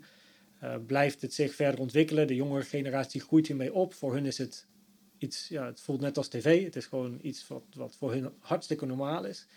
Um, en ik denk dat ook dat heel erg heeft bijgedragen. Samen met trouwens met ook social media. Mm -hmm. Dat mag niet vergeten worden. Ik denk dat de gaming communities via die social media platformen uiteindelijk ook heel erg goed met elkaar in contact konden komen om op die manier communities te bouwen. En via de communities bouw je weer online vriendschappen. Dat worden weer offline vriendschappen. En, ja, zo goed en eigen social media, hè? bijvoorbeeld een Discord en een Twitch, zijn natuurlijk puur ontstaan op het, op het gaming principe. Daar dus, begon het, ja, ja inderdaad. Ja. Dus uh, ja. Ik kan me nog wel de Hives-pagina's herinneren van het verleden. Ja, ja, ja. dat, ik bedoel, het verder niet, het was, was gewoon een social media platform, maar daar begon het wel een beetje. Hives en toen kwam Facebook. Nou, YouTube. Toen, ja, je hebt zelf ook video's op YouTube staan van Trackmania. Ja, ja, ja, ja. Het is een heel erg inactief kanaal, kan ik je vertellen. Ja. Maar uh, ik heb daar ik nog heb wel uh, veel, uh, veel content staat erop. Ja, ja, ja, Leuk. Het was echt leuk om dat terug te zien, zeg maar, hoe dat dan in die tijd ging. En ja, ja. Vond, ik vond het leuk om te ik zien. Ik heb echt uh, de hele, hele oude, die, uh, die heb ik op mijn uh, laptop staan. En privé op mijn YouTube, dus die mm -hmm. zijn niet toegankelijk. Ja. Maar dan hebben we het echt over wedstrijden van 2007 en 2008.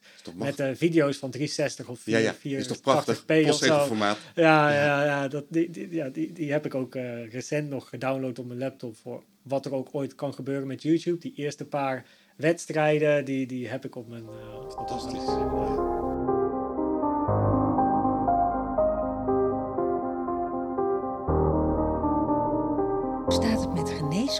met jouw toekomst als arts? Nou, mijn geneeskundestudie heb ik in uh, 2018 uh, het, ja, opgezegd als het ware. Ik ben een tussenjaar ingegaan, omdat ik uh, al een paar jaar op tv actief was als presentator. Het, het spreken, het zijn van een spreker begon langzamerhand te komen. Maar ook het, verschillende bedrijven gingen me benaderen om samen te werken. Maar als je van zeven tot zeven kooschappen loopt, dan, dan werkt dat niet. Dus ik was al een paar maanden aan het twijfelen tijdens mijn kooschappen merkte ik dat ik heel veel achter de computer zat, wat minder bij de patiënten. En ook dat was wel iets waar, waarvan, waarvan ik zei, ah, ah, dat, ik mis dat een beetje. En natuurlijk zijn er vakken in de geneeskunde waar je meer patiëntencontact hebt. Maar het draagt wel allemaal bij aan de keuze die ik uiteindelijk heb gemaakt. Dat tijdens uh, de tweede dag van de, van de kooschapschirurgie, uh, notabene het vak binnen de geneeskunde wat ik het mooiste vind...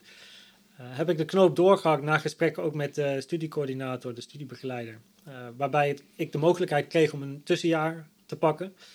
Dat heb ik gedaan. En uh, als ik een tussenjaar, ja, als, als, ik, als ik niet genoeg had kunnen verdienen of ik wilde weer terug naar geneeskunde, kon ik gewoon doorgaan waar ik was. dus kooschap chirurgie. maar in dat eerste jaar heb ik met ja, verschillende bedrijven gewerkt en, en, en sprekersdingen gedaan. En uiteindelijk had ik in ieder geval genoeg verdiend om te kunnen leven dat jaar. eh, en voor mezelf te kunnen zorgen. En toen heb ik nooit meer teruggekeken. Want toen dacht ik, waarom zou ik dan niet in het tweede jaar hetzelfde kunnen doen? En dat is nou dus eh, ondertussen vier jaar geleden. Dus eh, dat is... Je hebt je andere passie vormgegeven. Maar ik kan me zo Ja. voorstellen dat bij jouw ouders daar misschien wel een andere gedachte zat. Ja, dus zeker toen ik thuis kwam, mijn moeder in tranen, toch wel twee dagen, drie dagen lang zo rondgelopen. Maar uiteindelijk realiseerde ze zich ook dat zij vroeger op jonge leeftijd, zij eh, komt uit Parijs, zij is op jonge leeftijd verhuisd naar Nederland om eh, haar liefde te volgen, dus mijn vader. En ehm, zij dacht, ja, maar ik heb die keuze op jonge leeftijd gemaakt. Hij maakt deze keuze op een vergelijkbare leeftijd het is gewoon zo, ik ga hem hierin steunen. En, eh, en dat heeft ze sinds, sindsdien ook, ook altijd gedaan en dat is heel goed uitgepakt. Uh, maar zij vond het wel, eh, wel lastig op het begin. Mijn vader die zag het wat meer, eh, misschien wat meer objectiever. Van oké, weet je, hij gaat het gewoon proberen. Heeft een jaar de tijd. Als het niet lukt, gaat hij na een jaar terug. Lukt het wel, dan zien we wel waar die, waar die heen gaat. Uh, en dat heeft me tot de, op de dag van vandaag in deze podcast uh, gebracht eigenlijk. Hè? Want ik had dus de keuze of ik volg het traditionele geneeskundeplan van uh, bachelor, master, PhD, specialisatie. En ik, weet je, als ik 40 ben, weet ik waar ik ben. Um, en of ik ga geneeskunde doen en ik verlies een beetje mijn, mijn leidende positie in de gaming-industrie. Of ik pak de kans om in de gaming-industrie, met alles wat dan naar me toe kwam, met het spreken, met de tv, met de bedrijven, ik pak die kansen en ik ga daar iets mee doen en ik zie wel waar, waar het heen gaat. Um, maar dan zal ik dus mijn geneeskunde in ieder geval op een tussenjaar moeten zetten.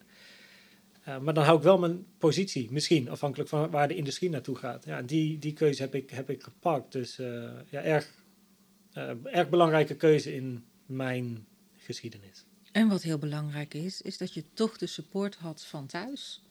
Ze zeiden, weet je, als dit jouw passie is, als dit de liefde is die jij nu gaat volgen, dan steunen we jou daarin en dan helpen we jou daarmee. En wat heeft dat voor je gedaan? De support gewoon van je omgeving om deze keuzes te maken. Ik denk wel, het heeft, me, kijk, het heeft me sowieso geholpen in uh, het vertrouwen van mijn keuze.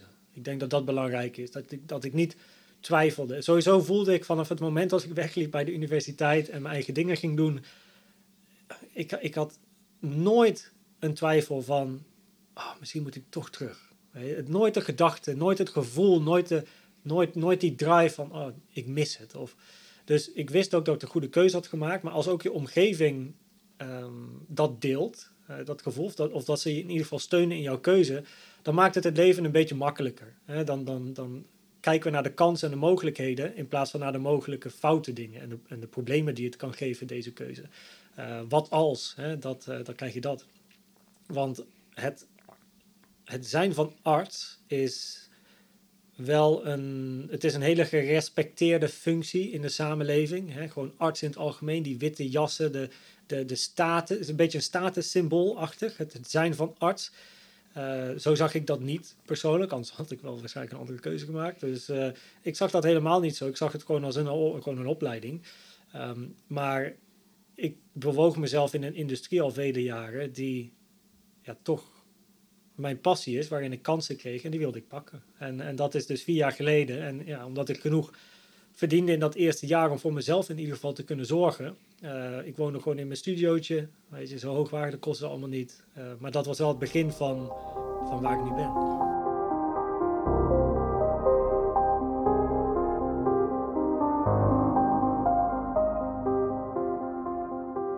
Waar staan we over 20 tot 30 jaar?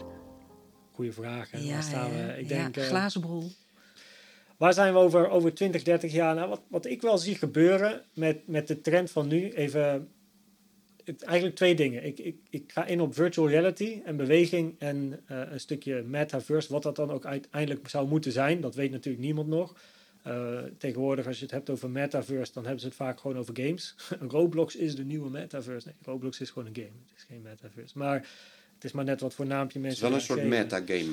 Ja, als je het goed beschouwt. Het is, ja, het is, kijk, ik zie, weet je, dan was World of Warcraft ook een metaverse. Ja. Maar ja, dan, ja. dan is dat twintig jaar geleden een metaverse. Dus ik, het, het, ik denk dat het nog heel onduidelijk is waar dat heen gaat. Maar kijken naar die twee, dat, wat, ik, wat ik wel zie gebeuren, is dat de opkomst van VR, wat steeds betaalbaarder wordt, steeds meer mensen hebben zo'n systeem dat ehm, gamen en fysieke activiteit met elkaar meer gecombineerd gaan worden.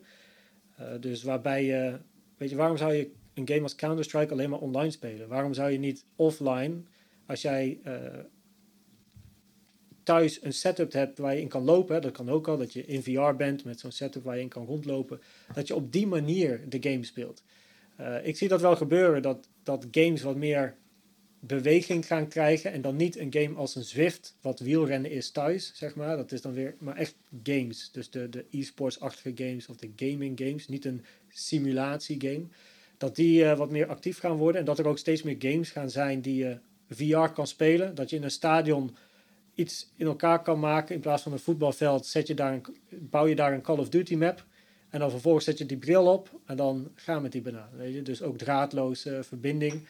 En dat je op die manier een hele nieuwe vorm van competitie kan krijgen in stadions. Dus niet meer alleen maar sport of e-sports met tien man die daar uh, vijf tegen vijf een game aan het spelen zijn. Maar dat je in het midden op het voetbalveld, maar dan is dat anders, een hele map is nagebouwd. En dat daar dan fysiek uh, iets, iets gedaan wordt met AR, MR, VR, wat het dan ook is. Dus ik zie het daar wel, uh, wel naartoe groeien. dus meer fysieke activiteit eigenlijk. En uh, tijdens het spelen, moet ik zeggen. Want we doen wel heel veel sport op de achtergrond, zeker als professionals. Maar tijdens de game zitten we en mensen zien ons zittend met een hartslag wat ze niet zien van 160 of 80, maar we zitten wel. Dus ik zie dat, uh, ik zie dat wel, uh, wel meer groeien. En dan heb je dat stukje metaverse van ja, wat dat dan ook uiteindelijk moet zijn wat automatisch geconnect wordt aan games, want daar heb je die avatars, daar heb je die karakters, daar heb je de spulletjes die je kan kopen om je kleding, uh, om, om je avatar te updaten of, uh, of, of je skins. En ik denk dat ook in die virtuele wereld weer, en dat zie je in Roblox al steeds meer, heb je de minigames. Maar ik denk ook dat die, die minigames, als, een beetje Ready Player One-achtig. -hmm. Weet je, we leven in de echte wereld, maar we leven ook in de online wereld. En ja. als in plaats van vrienden op school zien, ga je misschien op school in de metaverse, wat, wat dat dan ook is. Weet je Dus uh, ja, ik denk, ik denk dat dat heel interessant is. En 20, 30 jaar, ik vind het heel moeilijk, want dat is heel ver vooruit denken. Terwijl de gaming-industrie, je weet niet eens wat volgend jaar de nieuwe hype is. Hè? Dus de meeste bedrijven, gaming-wise, die plannen niet langer dan vijf, vijf jaar vooruit. Uh, want dat is ook wel lang. Ja, ja, Dat, dat is veel te lang. Ja. Ik, ik plan niet eens een jaar vooruit nee. uh, of twee jaar vooruit. Dus heel moeilijk te zeggen waar we over twintig jaar zijn. Maar ik denk dat, en AI niet te vergeten, ja. chips. Ik denk dat chips en menselijk lichaam, dan gaan we toch weer een beetje ja, naar de dat was mijn volgende bio, vraag. Uh, Hoe zie je het in jouw vakgebied? Ja, de hele dus, wereld van gaming en alles wat erin zit. Ja, in, jou, in de geneeskunde. Ja, dus de, de geneeskunde, ik denk dat dat, uh, die, die, die, die impact van elektronica, digitalisatie, uh, gemakzucht. Ik denk dat dat een hele belangrijke is voor, uh, voor mensen. Uh, ik denk dat dat um, ook met chips uiteindelijk toe gaat nemen. Dus, en in de geneeskunde, eerlijk is eerlijk, je ziet het al een beetje. Hè? Met Parkinson heb je een apparaatje. Als je hart niet goed klopt, heb je een apparaatje. weet je, dus dus zeg maar, apparaten in je menselijk lichaam of in jouw lichaam wordt al als normaal gezien als jij je bot breekt, dan heb je een stel pinnen uh, in je been, weet je wel, of een, of een plaat. Ja, dan ben je eigenlijk ook niet meer 100% menselijk. Weet je, ben je ook al een beetje robot. Ja, ja, Dus, en ik zie dat, ik zie dat wel langzamerhand uh, toenemen, uh, waarbij ook het menselijk lichaam steeds meer verbonden wordt met computertechnologie.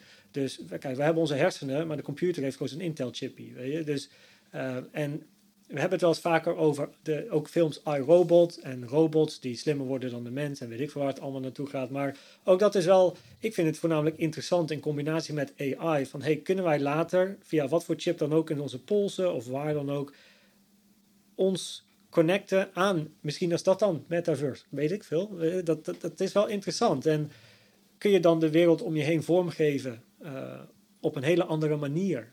De, ja, dat. dat dat, dat is wel echt futuristisch denken. Uh, dan hebben we niet meer alleen over uh, games die meer fysiek actief gaan worden. Uh, als het ware nagebouwd worden in een, in een echte wereld. Waarom zou de goal van voetbal op de grond moeten staan? Waarom kan hij niet 20 meter in de lucht staan? Dat, dat in, de virtuele wereld kan dat. Als jij daar springt, en kan, weet je, als je de settings goed hebt, dan kan je 20 meter hoog springen. Ehm, waarom zou je niet gaan werken met eh, sporten waarbij je de zwaartekracht aanpast in een stadion? Kan ook. dus, dus dat in het stadion de zwaartekracht miniem is. Uh, zodat je inderdaad in de echte wereld 20 meter hoog kan springen. Dat zie ik ook wel gebeuren. Weet je? Dus ik denk ook wel dat, dat sport.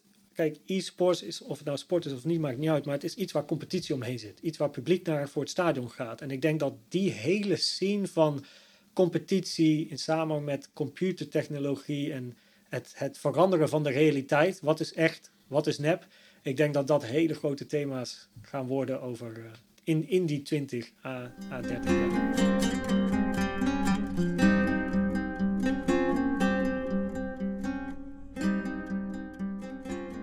tijdens de race in de Formule E zijn er bepaalde stemrondes. En degene met de meeste stemmen krijgt extra batterij, dus extra boost. Dus op die manier wordt de race al deels uh, niet bepaald, maar wel beïnvloed Ja. door de fans. Ja, dat, dat, ik denk dat die participatie, maar dat zien we ook in tv. We gaan van de late night shows naar Twitch met een chat, waarbij je opeens met de host kan praten. Weet je, late night is heel erg zenden. Ja. Terwijl op een platform als Twitch of YouTube kan je participeren. En ik denk dat die cultuur van participatie en ook persoonlijk maken, per- persoonlijkere eh, omgevingen, eh, die, die groeien heel erg. En ik denk dat toch de, de shows die alleen maar zenden, die zijn er nog een paar jaar, eh, maar het houdt een keer op. Eh, Dus, dus Ja, ik zie ook wel dingen dat je met voetbal heel vaak hebt met trainingspartijtjes dat er allerlei keuzes worden gemaakt door een trainer. Doe nu dit, doe nu dat. Hè. We drie keer raken of mag direct, geen buitenspel, wel bij, allerlei. Dat zou je natuurlijk als publiek gewoon in een live wedstrijd kunnen bepalen van. Oh, vijf minuten zonder scheidsrechter. Ja. Of zoiets. ja, ja het, zou heel, het zou heel maf zijn, ja. Ja, maar ja, wie weet, weet je. Dat, wie, weet, wie weet gaat dat die kant op. Ook om gewoon sport wat misschien aantrekkelijker te maken. Dus ook net als school is sport innoveert heel moeilijk. Weet je, ook, ook voetbal bijvoorbeeld innoveert heel moeilijk. En natuurlijk hebben ze dan de VAR en dan is er, gebruiken we het wel of niet. En dan wordt het toch uiteindelijk gebruikt. En misschien hebben ze een keer een, een nieuw grasveld of nieuwe schoenen. Maar de sport zelf innoveert heel moeilijk. Dus hoe kunnen we uiteindelijk, en dus niet dat die sport per se aangepast moet worden, ehm, maar ik kan me wel voorstellen dat uiteindelijk er een keer iemand is die zegt, weet je wat, voetbal neem ik als basis, maar ik ga er een heel nieuw concept van maken. Eh, en ja, dan kan je misschien de gekste dingen krijgen. En dan heb je opeens twee sporten naast elkaar. Dan heb je het klassieke voetbal en het nieuwe vorm van voetbal. Ja.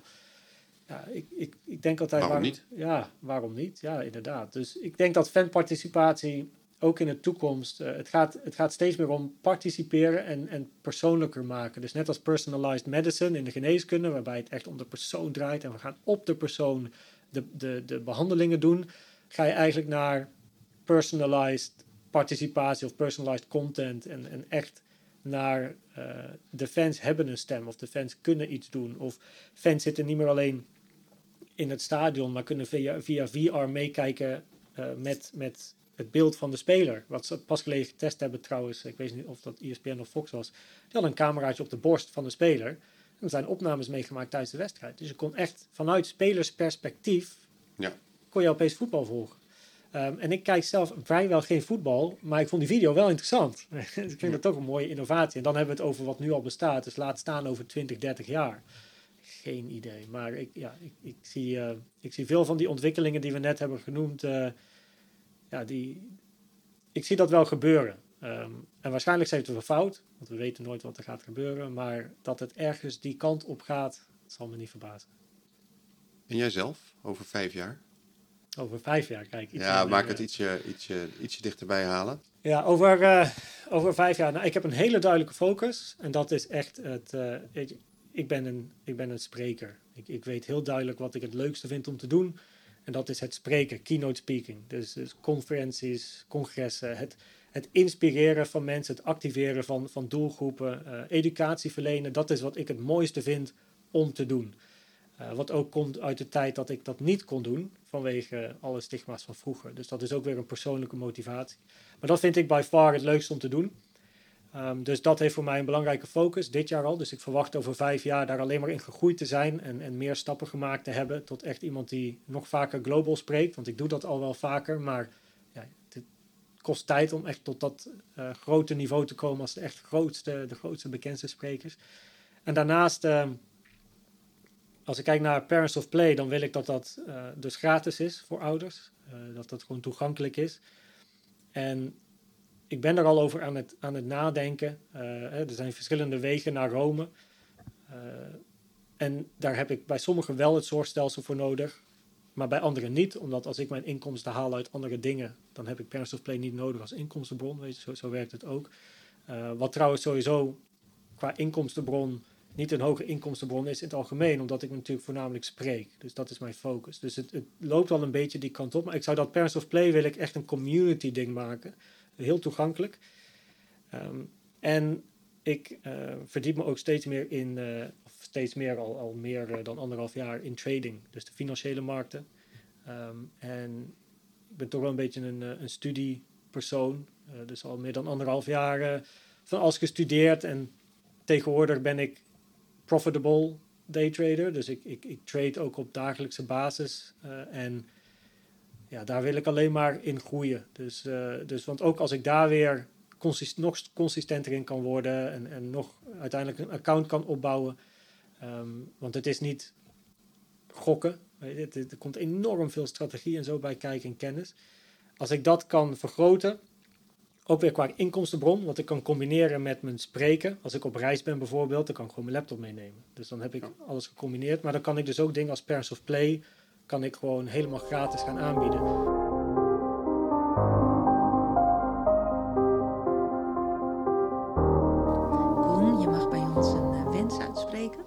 En wellicht dat een van de luisteraars zegt: Ja, maar ik weet de weg daar naartoe. Dus welke wens wil jij uitspreken? Waar zou jij mee geholpen zijn? Wat je, een wens. Ja, ja, Wie wil je spreken? Waar wil je naartoe?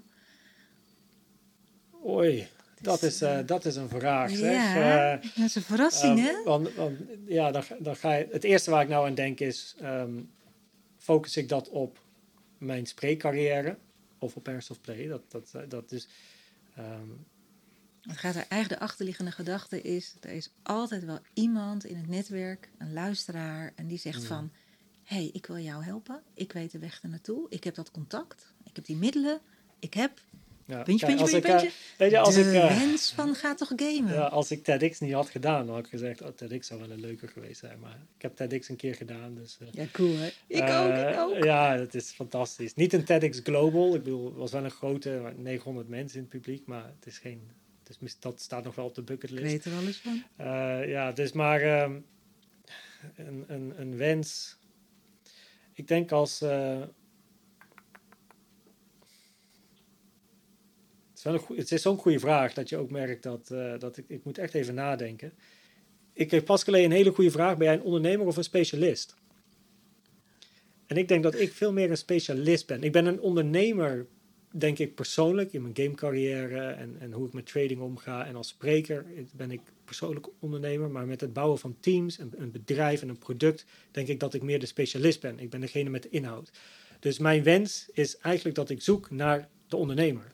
Ben jij of ken jij die ondernemer die Koen verder kan helpen met Parents of Play 2.0? ja, meld je onmiddellijk natuurlijk. En de sky is the limit, Koen. We gunnen het je allemaal. Eén ding weet ik zeker, ik kan niet alleen. Ik ben echt wel, uh, echt wel op zoek naar, uh, en ik praat wel eens met mensen, maar ik ben echt op zoek naar uh, iemand die, die ook gewoon zegt, joh, het moet nu af zijn. Dit is de planning, zo gaan we het aanpakken. Dit is de content, jij hebt de content. En dat we op die manier kunnen bouwen aan, aan iets heel moois, waarbij al die producten uiteindelijk op de een of andere manier gratis bij de persoon terechtkomen. Dus, dus dat is een beetje een wens en een half, zeg maar ademloos geluisterd, ontzettend veel geleerd.